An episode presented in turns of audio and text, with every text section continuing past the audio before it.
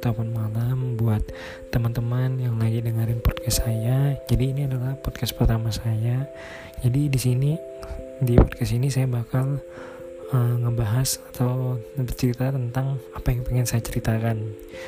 Jadi akhir-akhir ini saya yang berada di umur 20-an mulai ngerasa ada beberapa macam permasalahan-permasalahan atau pendewasaan diri yang saya mulai saya rasakan di usia saya sekarang ini. Kemudian saya itu juga melihat uh, permasalahan ini dialami oleh beberapa teman saya.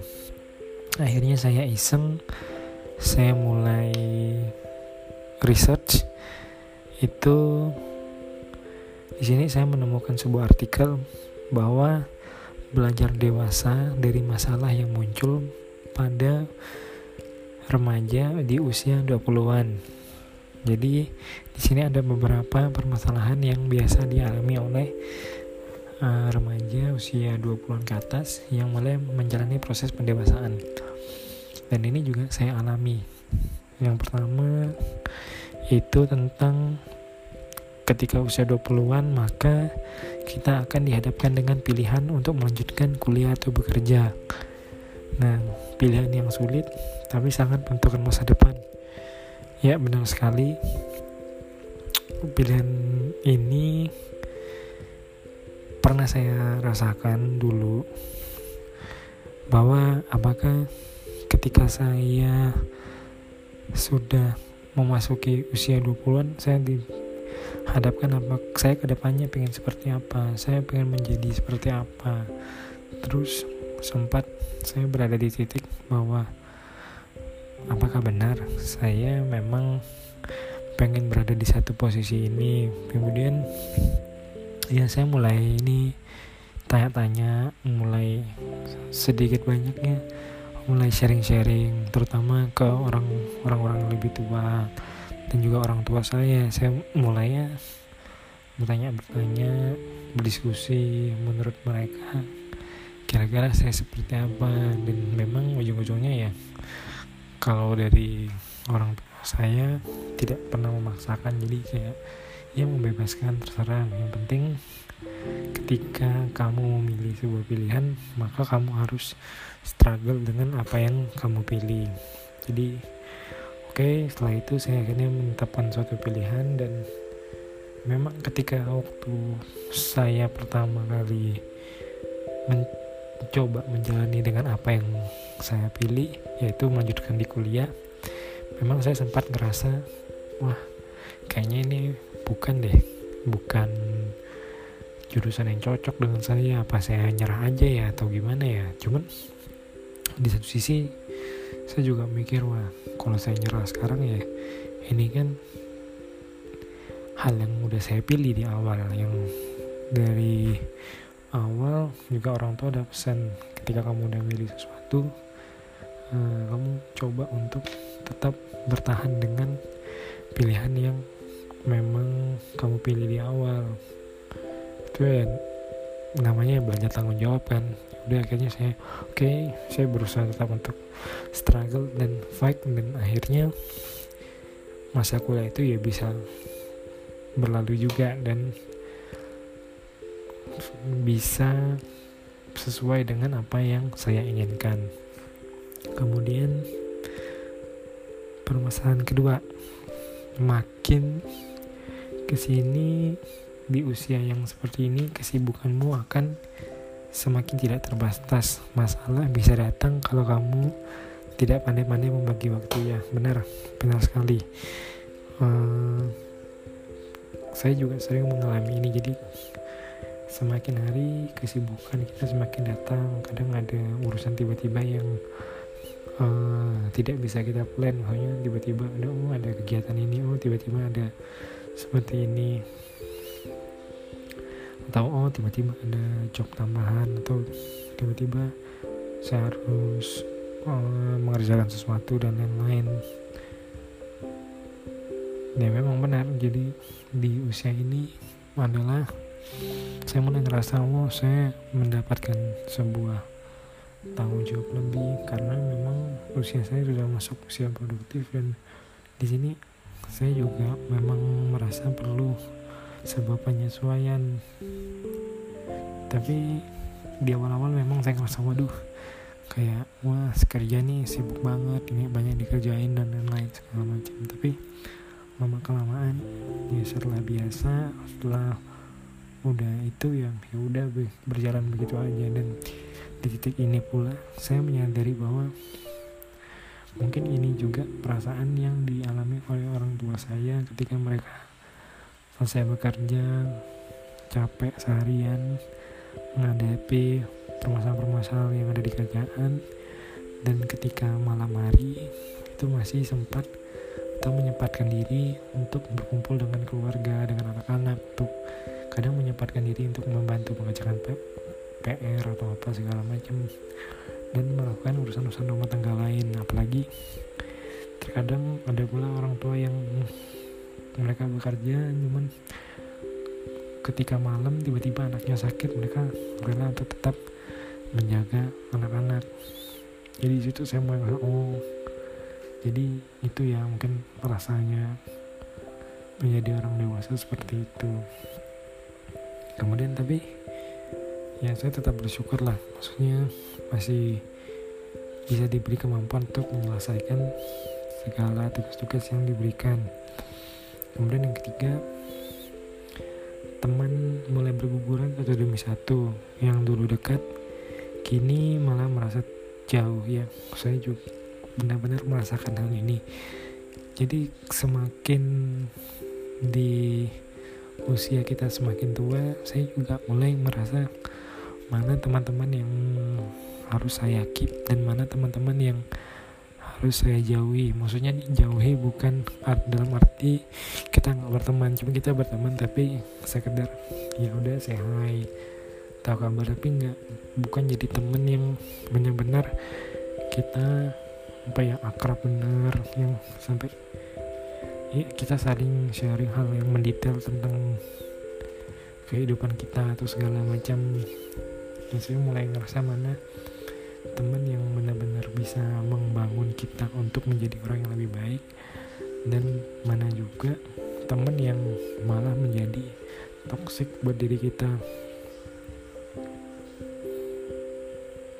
Dan memang pernah saya kayak malah jadi wah saya dulu dekat sama ini dengan tapi kok sekarang jadi gini ya? Tapi jadi deket ya? Kenapa ya? Cuman akhirnya saya oh ya udah gitu. Ya setiap orang punya kehidupan masing-masing setiap orang punya jalannya masing-masing. Jadi ya ya udah santai aja. Yang penting kita nggak deket bukan berarti kita nggak temenan. Udah itu aja. Dan yang pasti kita ingin mencari teman yang bisa mengembangkan diri kita dan mengembangkan potensi kita lebih baik lagi untuk kita bisa mencapai mimpi kita masing-masing.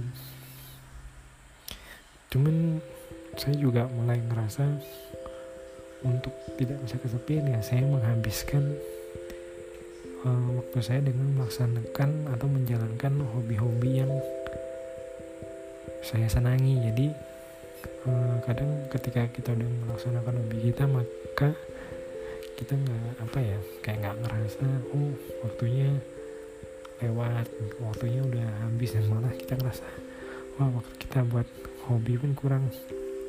Kemudian yang keempat masalah dengan pasangan pun tak lagi semudah dulu. Kamu dihadapkan pada pilihan bertahan atau meninggalkan. Ya tepat sekali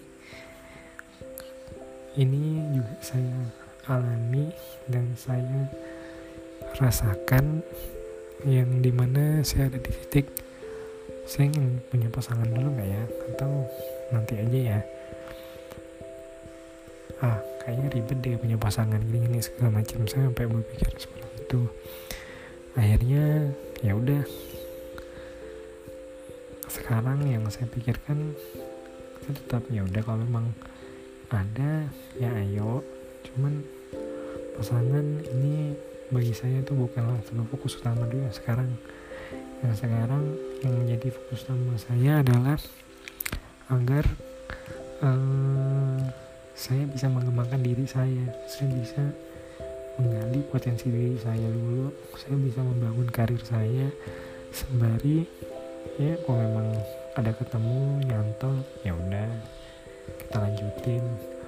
Dan saya pun pribadi kayak ingin menghalangi karir dari pasangan saya ke depannya. Jadi ya selama itu memang yang bersifat positif dan bagus ya of course. Silahkan saya bakal support gitu. Jadi ya udah. Uh, pasangan bagi saya sekarang bukanlah hal prioritas. Kemudian yang kelima uh, sudah mulai memiliki penghasilan sendiri kemudian tak terasa kita pun mulai merasa kesulitan untuk mengatur pengeluaran. Iya, benar banget. Ini saya rasain waktu saya baru nerima uang bulanan, uang salary.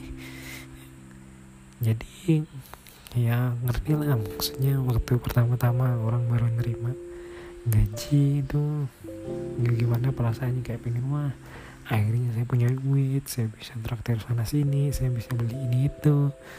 Dan ya gitu tahu-tahu beli beli beli beli beli beli beli wah tahu-tahu nggak dicek uangnya tinggal udah tinggal sedikit terus ngeliat wah saya kemarin beli apa aja ya? Kok bisa habis bisa habis? Dan lain sebagainya. Dan hal itu berlangsung ya, mungkin beberapa bulan. Dua tiga bulan. Setelah itu saya mulai berpikir untuk saya harus bisa memanage mana yang saya rasa perlu dan mana yang nggak perlu.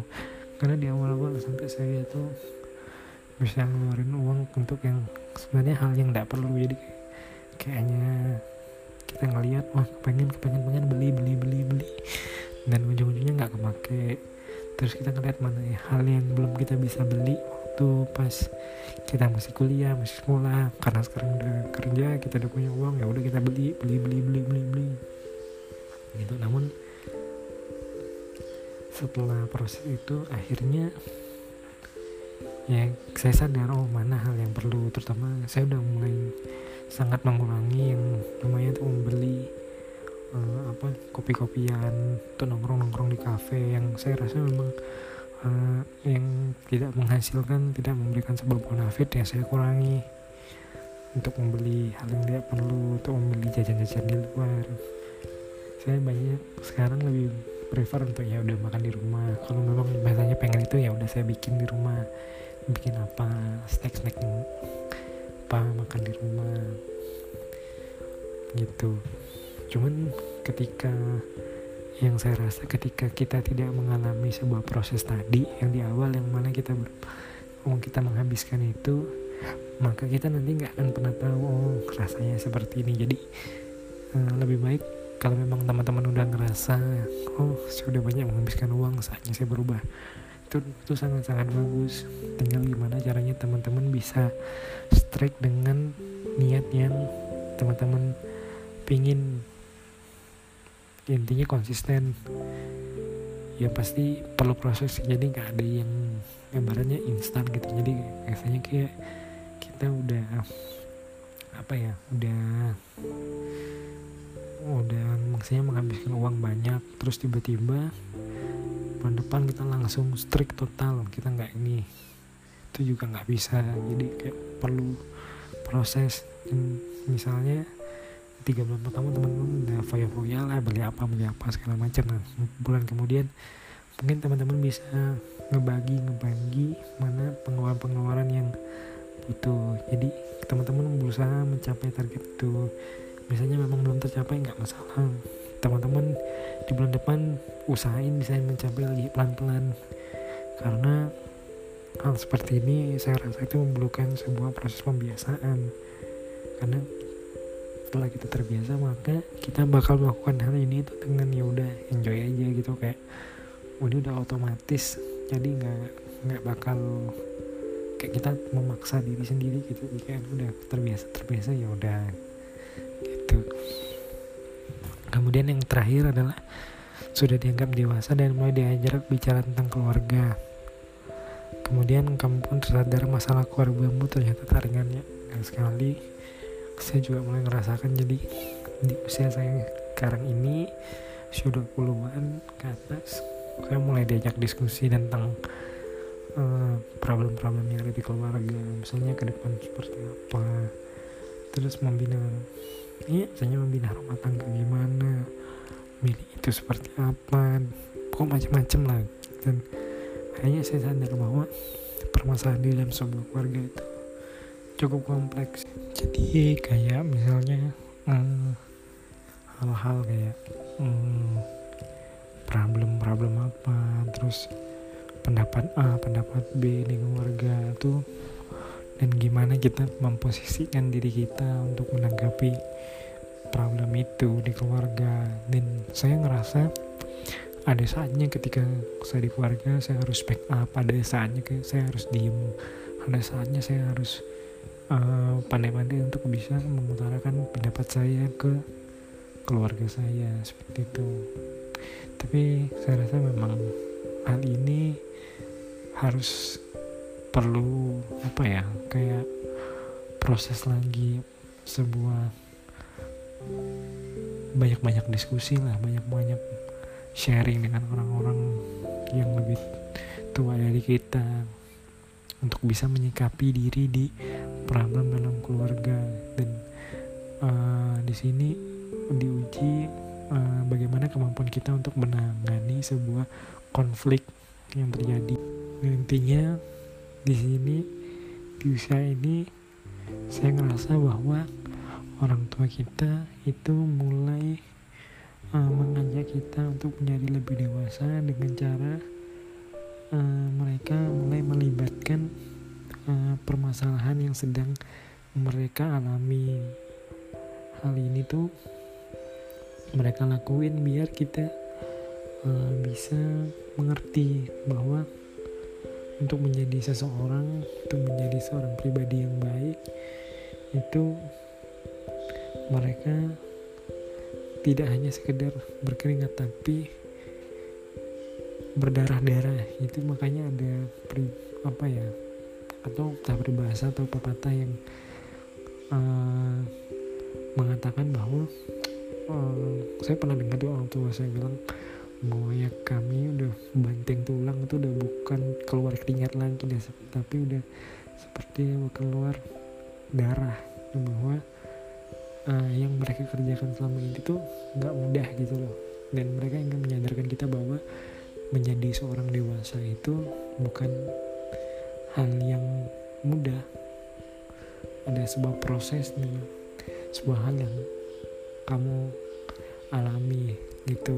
Jadi sebenarnya dari enam permasalahan yang dialami oleh remaja usia 20-an ke atas seperti saya itu saya rasa dan saya pikir-pikir selama ini bahwa itu adalah sebuah proses pendewasaan kita untuk menjadi seorang insan yang lebih dewasa lagi gitu mungkin gitu aja ya teman-teman untuk uh, cerita saya di episode pertama ini. Semoga teman-teman suka atau mungkin teman-teman punya pendapat lain selain saya teman-teman bisa share. Gak masalah kok ini. Sekali lagi podcast ini adalah pendapat saya murni pribadi.